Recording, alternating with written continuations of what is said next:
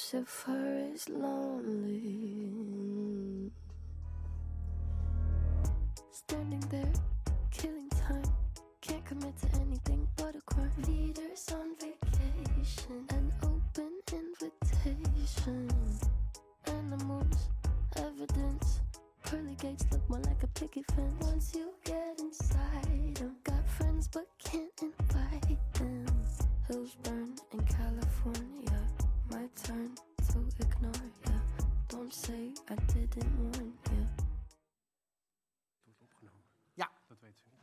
gaan we doen. Oké, eh, nou fijn dat jullie er volgens mij bijna allemaal nog, eh, nog zijn. Eh, kom lekker zitten. We gaan beginnen met, met de podcast die we maken in het kader van, midden. maakt niet uit, van deze voorstelling. We hebben deze voorstelling gemaakt voor het Amsterdams Kleinkunstfestival, het AKF Lab. Daar proberen ze bijzondere samenwerkingen te stimuleren. Dus in dit geval een wetenschapper en een, en een cabaretier. En we hebben elke keer na afloop een gesprek gevoerd met onder andere Marjan Minnesma, eh Aniek Monen, voorzitter van de Jonge Klimaatbeweging. eh, en dat waren hele fijne gesprekken. En toen wij hier voor de reeks Klimaatmakers gevraagd werden, dachten we dan willen we ook heel graag een nagesprek. En eh, toen kwam eh, Theater aan de Parade met de suggestie om Cor Burger te laten komen. Die ga ik straks introduceren. En eh, Pim Cornelissen. Eh, ik laat jullie heel even kort de tune horen, maar de tune is nog van Bellevue. Eh, dat is een beetje lullig, maar eh, die, moet, die moet nog aangepast worden. Maar dan weet je in ieder geval dat er een beetje leven aan het begin van de podcast zit. Eh, HP en Roel, zijn we klaar? Daar gaan we.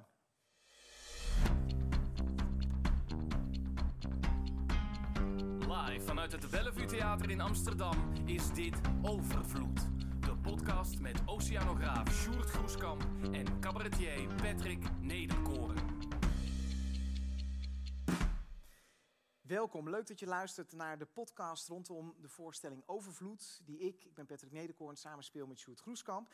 En vandaag vanuit Perron 3 in Rosmalen, in het kader dan weer van de Klimaatmakers. En dat wordt georganiseerd door het Theater aan de Parade in Den Bosch. Maar die zijn aan het renoveren en daarom zijn we uitgeweken naar Rosmalen. We hebben twee gasten vandaag, klimaatdichter Pim Cornelissen en cabaretier Cor Burger. En ik dacht, Pim, zullen we meteen beginnen met een gedicht? Wat was de titel? Dat is goed. Niet het, niet het water. Niet het water. Oud en grijs groen golft het. Dat water daar waar niemand hierop zit te wachten. Dit hoopje ongeregeld dat niet meebeweegt, droomt van de zee een meer. Omringt door hoge muren. Wacht tot het te drinken is. Bewaart de zwemlessen voor later. Komt het? Dan zullen de meubels dobberen. Hoor hoe het klotsen zal. Hoge, zilte golven schuimen in een alfabet uiteen. Over een land van achtergelaten kamers, vol met wat knus en dierbaar was. Dagenlang spoelen kleuren aan op de afsluitdijk. Tegen dan spartelt een hele natie op open zee. Of is het niet het water dat komt? Zijn wij het die ons verroeren? Wie graaft zich in en wie draait mee? Wie staat aan de kant? Wie rent er sneller dan de zee? Mooi.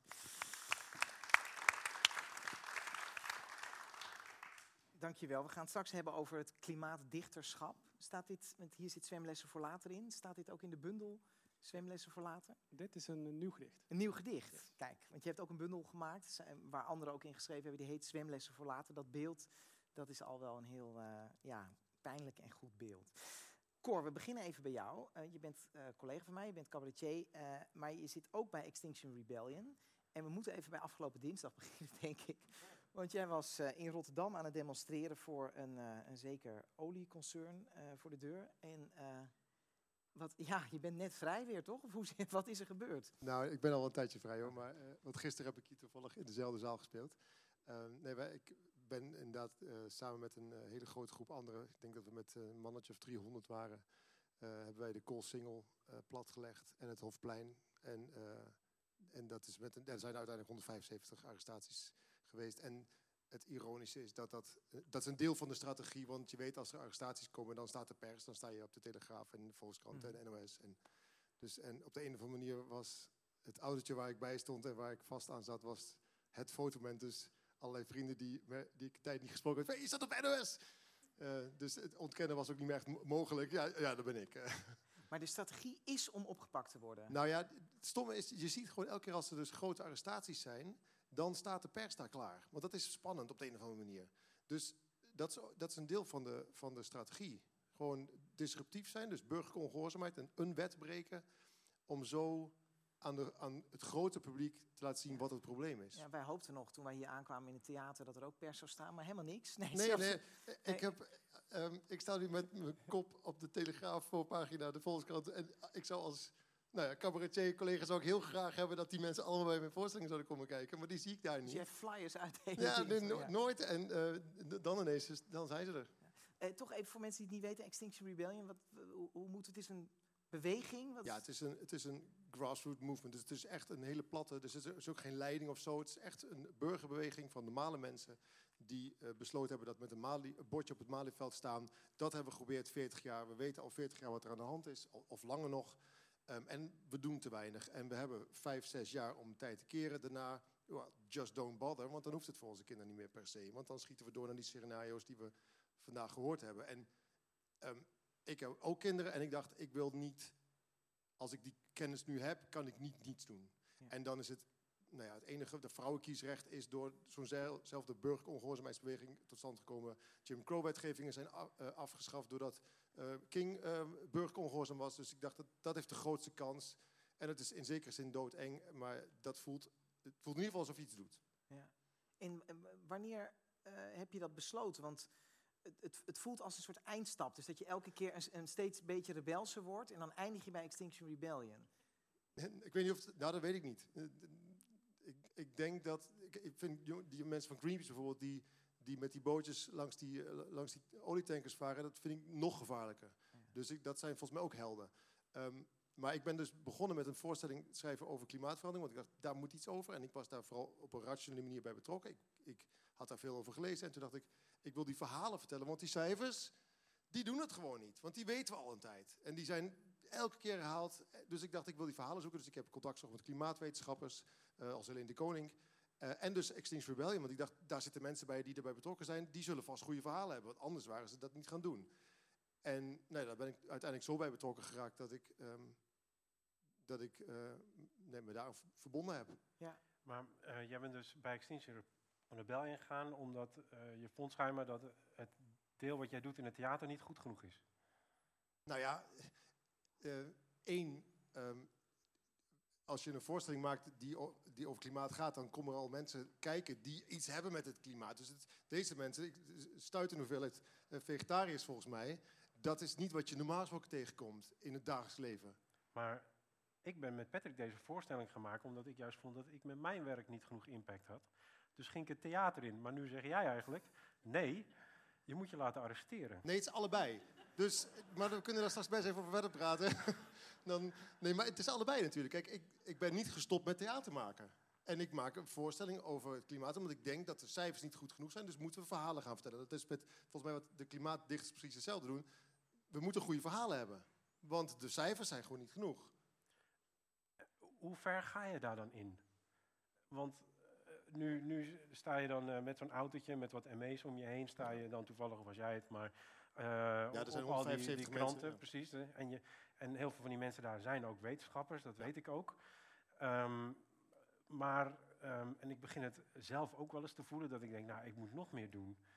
Maar hoe ver ga je? Waar ligt dan de grens? Eh, waarschijnlijk geweldloos, maar hoe lang blijft het nog geweldloos? Wat, wat is jouw visie daarop? Wat heb jij meegemaakt? Nou ja, ik vind zelf, ik zat vast aan een stalen buis. Dat vind ik zelf al heel heftig. Dat ze met slijptollen bij je vingers zitten. Dat is gewoon doodeng. Heel simpel. Dat ziet er cool uit. Zeker als gitaarspeler. Ja, ja, dat is, ja precies. Dat is, dat is mijn werk. Ehm, en ik vind die mensen die zich met secondenlijm vastlijmen aan een dat vind ik, dat vind ik er heel doodeng uitzien. Ehm, het is alleen altijd geweldloos. En ik denk dat het, net als wat je bij King had, dat was ook succesvol omdat er ook de Black Panthers waren en Malcolm X. Er was een dreiging van geweld. En ik denk dat het, ja, dat het een kwestie van tijd is. Het verbaast mij dat er nog niet in het mondiale zuiden, waar, waar ze de frange vruchten van onze welvaart eventueel kunnen plukken, ehm, dat die nog niet eh, gewelddadiger zijn geworden. Dat verrast me. Dat is echt een wonder. Dus dat het, dat het eraan zit te komen, ja, dat kan haast niet anders. Niet door mij, maar ik kan me niet voorstellen dat het niet gebeurt. Dus Ja, oké. het is niet het, eh, Extinction Rebellion is niet het eindstation van radicalisering. Worden jullie ook geweldloos behandeld? Nee, nee, nee, maar goed. Nee, maar nee. Nou ja, maar dus blijkbaar ervaar je, dus jij zegt de acties die we doen, die zijn misschien wel, wel eens hè, over grenzen heen, maar het is in principe geweldloos. Dat is heel Maar je, irritant. maar, je ervaart, maar je ervaart dus wel geweld tegen jullie. Ja, ja, nou ja, zeker. Heel veel zelfs. Er zijn gewoon mensen die zitten vastgeplakt met hun hand, met seconden aan het asfalt. Die worden gewoon losgerukt. Ja. Ja, Wat, wat is het? Wat is het dat, jullie doen het voor de goede boodschap, jullie doen het voor de toekomst van iedereen. Wat is het dat dat ergernis en agressie oproept bij mensen? we hebben geen trekkers. We hebben geen, geen We hebben geen boerentrekkers, trekkers. bedoel je? Nee, ja, Ja, nee, ja, nee, ja. ik weet het niet. Het is flauw. Ja, Maar ja. ehm, we, we, het, is, het is ook irritant. Dat begrijp, dat, is- dat, we zijn ook niet om vrienden te maken of zo. Maar dat is natuurlijk wel... Je verstoort de boel. En Ja. dat is... Ja, Ja. maar dat doen eh voetbalhooligans ook. Ja, nou ja, Die Nou ja, soms minder. we hadden, eh, de- we hadden- omdat we dus eh, in Rotterdam zaten, wisten we ook, ja, de dag ernaast die Feyenoord-wedstrijd, de cellen moeten de dag erna leeg zijn, dat weet je zeker. Dus we zitten daar nooit lang. Ja, Hey, en Sjoerd, jij zegt, ik voel ook dat ik, steeds, dat ik steeds meer wil doen. Maar je hebt tegenwoordig ook Scientist Rebellion. Collega's van jou die ook zelfs afgelopen dinsdag in Rotterdam waren. Wat, je hoeft het niet te doen natuurlijk, maar wat, wat weerhoudt je om, om daar aan mee te doen? Ehm, nou, ik vind het toch ook wel een beetje spannend. Het zit niet echt in mijn aard om het op die manier aan te pakken. Eh, ik ben van mezelf heel, eh, hoe noem je dat, een, een niet gewelddadig eh, passief, zeg maar. Ehm, maar eh, omdat ja, die drang, de, die cijfers, die drang, die angst over die klimaatverandering wordt zo groot. Dat je op een gegeven moment eh, denkt dat ook zelfs dit en, en mijn werk, waar ik ook over klimaat nadenk, dat het gewoon niet meer genoeg is in de tijd die we nog hebben. En, eh, en dat zorgt er een beetje voor dat ik denk van, nou ja, misschien moet ik me ook maar eh, vastplakken.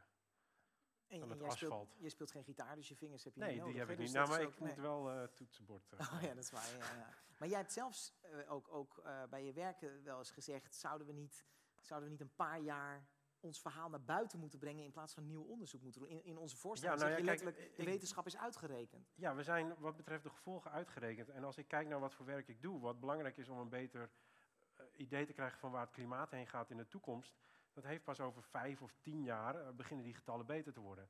Maar ja, we hebben nog maar vijf of tien jaar om dit probleem op te lossen. Dus ik heb zoiets van, laat NWO, de Nederlandse Wetenschappelijke Organisatie, geef alle wetenschappers vijf jaar vrijbrief om, als ze dat willen, want niet iedereen wil dat, maar als ze dat willen, zoveel mogelijk communicatie te doen. Ga desnoods deur aan deur, weet je, want eh, ja, de tijd eh, is steeds korter en korter. Pim, je, jij bent klimaatdichter. Ehm, dat is eigenlijk een. een, een dit, dit is waar we het net over hebben, is eigenlijk een soort heel directe weg van impact. Hè? Je gaat ergens staan, je gaat het ontregelen. De kunst lijkt me een indirectere weg. Ja, klopt. De- ben je toch bezig met, met de impact van de teksten die, die je maakt, of, of gaat het daar niet over? Eh, ja, maar ik denk dat het en-en is. De, eh, de Klimaatdichters is opgericht omdat, ja, vanuit een hele grote zorg. Eh, we zijn ook op heel veel evenementen van Extinction Rebellion geweest. Ehm, maar ik denk dat het wel een, voornamelijk een ruimte opent om andere verbeeldingen, zoals jullie ook doen, in de, in de voorstelling eh, over te brengen. Eh, en daar ook taal aan te geven. En is het, ook, is het ook prettig om je onrust om dat in een tekst te zetten, zodat het misschien een beetje uit je is? Ehm, ja, nee, nee. Nee? het komt wel uit een onrust voort en die blijft bestaan. Dus ik hoop dat die onrust, eh, dat ik die wel door kan geven. Je, je bent ook bezig met het, het maken van nieuwe woorden die eigenlijk die on- gevoelens van onrust taal geven. Kan je daar iets over vertellen? Ja, zeker. Maar eh, dat is een, een, eh, een nieuw project dat eh, eh, we samen doen met de Bibliotheek van Antwerpen, waarin we eigenlijk, eh, eh, nou, zoals je, zelf zegt, feiten doen het niet. Dus hebben we nieuwe taal nodig. En niemand gaat wakker liggen van een tipping point. Maar eh, jij wel? Ja, we, hebben, wel? we hebben hem gevonden, die ervan wakker ligt. Ja. Eh, ehm, dus hebben we eh, samen met de bibliotheek eigenlijk een workshop ontwikkeld waarin we eh, jongeren eh, eigen taal laten ontwikkelen om over ecologische problemen na te denken. Ehm, een, voorbeeld is FOMAF, een afkorting voor niet Fear of Missing Out, maar Fear of Missing a Future. Trumpen, weten dat je liegt, maar toch, toch doorgaan en doen alsof je de waarheid vertelt. Ja. Nou ja, dat, soort, dat soort dingen eh, om daar ehm, ja, eigener, dichter bij de leefwereld van, van mensen te komen. Mooi. On- onbehagen weer is volgens mij ook een nieuw woord, toch? Wat hier, dat, dat is als het bijvoorbeeld in de winter een dag echt bloedheet is, dat je voelt, ja, het is wel lekker, maar het, eigenlijk is het, nou, als sommige mensen vinden het lekker, maar het is eigenlijk angstaanjagend. Ja. Ja. Heb je, heb je, heb, je vanavond nog aan, aan, iets gedacht of niet? Is ja, nee, ja ik, moe, ik zat eh, met ecologische slachtofferhulp eh, eigenlijk eh, ah, bij jullie voorstelling. Ecologische slachtofferhulp. Ja. Na afloop of, of zijn wij dat? Nee, nee, ik bedacht hem tijdens. Ja, ja, ja, ja, ja, ja, je had behoefte aan. Ja, ja. Hoe, hoe doe jij dat? Want, want we hebben dus dat, dat zeg maar het rebelse op straat en, en met die acties besproken. Ondertussen maak je een cabaretvoorstelling. Hoe, hoe doe je dat? Ehm, sowieso dat Extinction Rebellion is natuurlijk... Ja, we hebben net die acties gehad en een groot deel van mijn leven bestaat daar niet uit. Dus dat is... ehm, eh, het grootste deel van mijn leven maak ik gewoon, eh, speel ik in theaters en op festivals en op, op scholen. En daar speel ik liedjes over het klimaat en probeer ik mensen te laten lachen. En daarna, nee, wat jullie ook doen, je laat ze lachen. Daarna ben je medeplichtig. En dan komt het echte verhaal en de Ja. scenario's. En jij hebt net gelachen, nu kun je hier niet meer terug. Je kan niet zeggen dat vind ik wel leuk en dat niet. En dat is volgens mij een mooie manier om, om die thematiek en, en, de, en dat, datzelfde doel na te streven, maar dan met, ja, met taal. En ik heb het gevoel dat, inderdaad het, dat de kunsten niet afzijdig kunnen blijven in dit, deze crisis. Dus dat, eh, dat er ook voor de kunsten een opdracht ligt om dat verhaal te vertellen. Want eh, nou ja, een theoloog weet het nog meer dan ieder ander. Eh, je hebt niet per se feiten nodig om mensen hun levensstijl te laten veranderen. Kijk, ah, kijk, het zou leuk zijn als er nog iemand op water loopt, maar eigenlijk heb je die feiten niet nodig om miljoenen mensen mee te krijgen. Dus dat verhaal is veel belangrijker dan de feiten. En dat is waarom ik daar, met, daar op zoek ben gegaan. Maar als jij dan eh, nu dus zowel in je theatervoorstellingen en doordat je dat bent gaan doen over klimaat, zit je nu in je vrije tijd ook vastgeplakt aan het asfalt en ben je met Extinction Rebellion bezig. Hè, ben je nog wel eens blij? Eh, Ja, ik ben wel blij. Maar het is, het is goed. We, hadden het er van tevoren stiekem ook al een voor de voorstelling over. Maar eh, je bent inderdaad snel een zuurpruim in je vriendenkring. Nou, dat zal jij het, bij jou hetzelfde zijn. Ehm, en dus je probeert ook dat niet dat gesprek er altijd maar naartoe te leiden. Maar tegelijkertijd heb je ook het gevoel van ja, eh, als ik die om, kleine omgeving om mij heen al een beetje mee kan krijgen, dat is al, dat is al winst. Dus, ehm, en ik heb ook, ik ben daar heel rationeel ingevlogen. Ik, ik, ik ben filosoof, daarom, nou goed, ik heb filosofie gestudeerd. Eh, dus ik vlieg die dingen in eerste instantie rationeel aan. Totdat je op een gegeven moment zoveel ervan weet dat het je gewoon aanvliegt. Dat je gewoon niet meer eh, door kan rijden. Omdat je de auto aan de kant moet zetten. Omdat je denkt, ik ben totaal in paniek. Dit is onverstandig om door te rijden. En dat is pas later gekomen. En dat, dat legt een schaduw over, je, over de rest van wat je doet. Ja. En bij alles ga je ook nadenken. Is dit wel duurzaam genoeg? Wat ook, wat ook gek van. Ja, daar word je gek van, ja, dat herken ik. Eh, Herken jij dat ook? Eh, ja, maar ik denk dat ik dat wel makkelijker los kan koppelen omdat ik niet zo in de feiten zit. Dus even, eh, ja, ik schrok er heel erg van, eh, het 80% is, eh, bij- is depressief. Dat, dat klinkt meer als kennis is onmacht dan als kennis is macht. 80% van de klimaatwetenschappers. Ja, ja, ze- Ja. zeiden we in de voorstelling. Ja. Nou ja, Maar als het, al- als, als het dus nog niet eh, helemaal zo is, omdat je zegt dat je het van je af kan zetten, dan vraag ik meteen af, voel je het dan wel goed genoeg? Mag je het dan wel klimaatdichter noemen? Ja, ik denk niet dat ik in alle keuzes in mijn leven eh, eh, af moet toetsen aan het klimaat. Nee, kan ook haast niet. maar- Nee. Ik zou, ja, ik zou depressief worden, Ja. denk ik. Dus het is een soort zelfbescherming Ja, ook. Ja. ja. Maar dat is, ja, dat is bij deze thematiek zo bizar. Want ik weet wel dat wij hadden deze... Tijdens het hele maakproces heb ik me eigenlijk geen één keer echt binnen laten komen wat, wij, wat we opschreven. Pas toen we de eerste voorstelling gespeeld hadden, de eerste try-out, toen was ik helemaal van slag. Dat ik opeens dacht, wat hebben, wat hebben we nou gezegd? Maar, a- maar om, omdat het bijna niet te doen is. Maar dat is natuurlijk, nou ja, dat is misschien wel waar we, waar we dit gesprek ook, ook moeten eindigen. Van, hoe, hoe, blijven we, hoe blijven we wel in beweging? Hè? Ik bedoel, waar, waar zit het licht, Cor? Help ons. Nou het licht weet ik niet. Maar ik was heel erg getroffen door wat je zei. Je moet het ergens voelen. Want ik heb dat, dat moment is bij mij echt... Ik kan dat aanwijzen wanneer dat was. En dan wordt het nog urgenter. En die urgentie is gewoon nodig. Want we hebben niet zoals Martin Luther King... Of het nou 15 of 15 jaar duurt voordat de Jim Crow-wetgeving afgeschaft wordt. Dat maakt niet uit. Dat maakt nu wel uit. Dus die tijd hebben we niet. En bij mij was het zo dat ik George Monbiot, een, een eh, bioloog en een, een schrijver... die live op de BBC gewoon in stukken barstte en alleen maar kon huilen op de vraag. En toen dacht ik, ik heb al die boeken van die man gelezen. Dat is een, dat is een genie. En die trekt het gewoon niet meer. Waarom? Huh? En nou ja, dat, dat was mijn moment. En dat is bij jou op een ander moment gekomen. Maar dat, dat het je ergens zo aangrijpt dat het onderdeel wordt van wat je, wat je gewoon voelt zonder dat je daar rationeel over nadenkt. En dat is volgens mij echt wel, een- dat, is, Ja. dat zou de redding zijn. Als we dat ergens zo'n moment voelen. Dat je denkt, en nu grijpt het me echt bij de keel. Ja, dat is ook de, de missie van de kunsten, om dat moment mogelijk te maken. En maar ook om dat moment een zachte landing te geven. Dus zijn we ook een, een, een vangnet voor mensen die. Hè, zijn, we, zijn we ook ecologische eh, hulpverlening? Eh, ja, maar dat kan niet op hetzelfde moment, denk ik. Ik denk dat je eerst het binnen moet voelen komen en dan daarna eh, kan je hulp gaan verlenen. Ja. Dus, dus zeg maar de na- natuurlijke neiging om het slechte nieuws weg te houden, die barrière moeten we doorbreken. En dan, kom je, dan tuimel je eigenlijk in een nieuwe wereld. En in die wereld mag je opgevangen worden. Eh, ja, dat is mooi gezegd.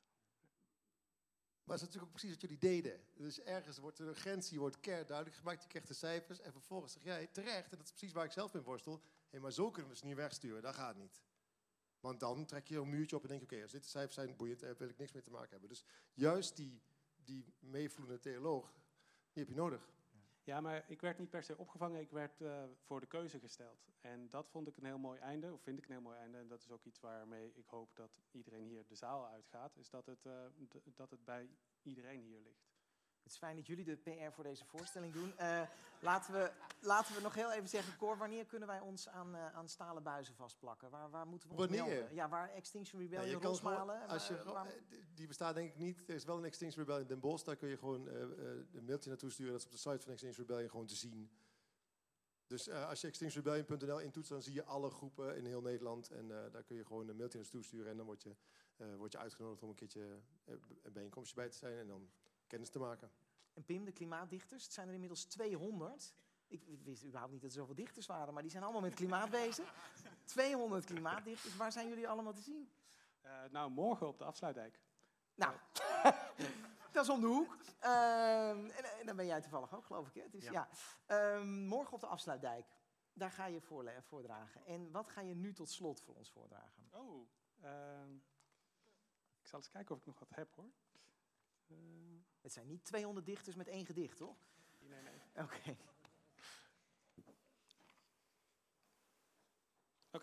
Wat mooi, je hebt ook alles handgeschreven. Ja, de printer was kapot. Het heet Zie ons staan. Wie merkt ons op wanneer we staan te wapperen met steden, wereldwonders, veroverde gebieden? Het ontbreekt ons aan schaal, verleden, dromen. Overdag een planeet zoals alle anderen, s'nachts de enige die licht geeft in het donker. Millennia lang zijn we een kosmisch geheim geweest. Een voortwoekerende pandemie die langzaam maar zeker naar eeuwigheid snakte. Enorme antennes naar de hemel gericht, steenlagen afgegraven, onbemande vluchten gelanceerd die ons kenbaar moesten maken. Zal iemand ons ooit opmerken, ons tussen duim en wijsvinger pakken, zijn ogen toeknijpen, inademen, ons voor altijd uitblazen?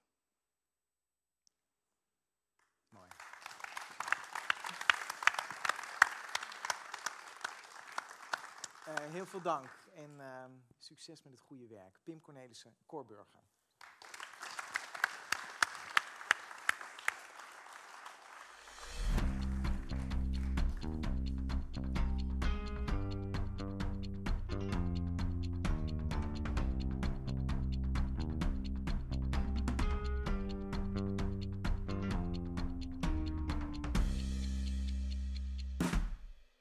Zo, staat hij erop?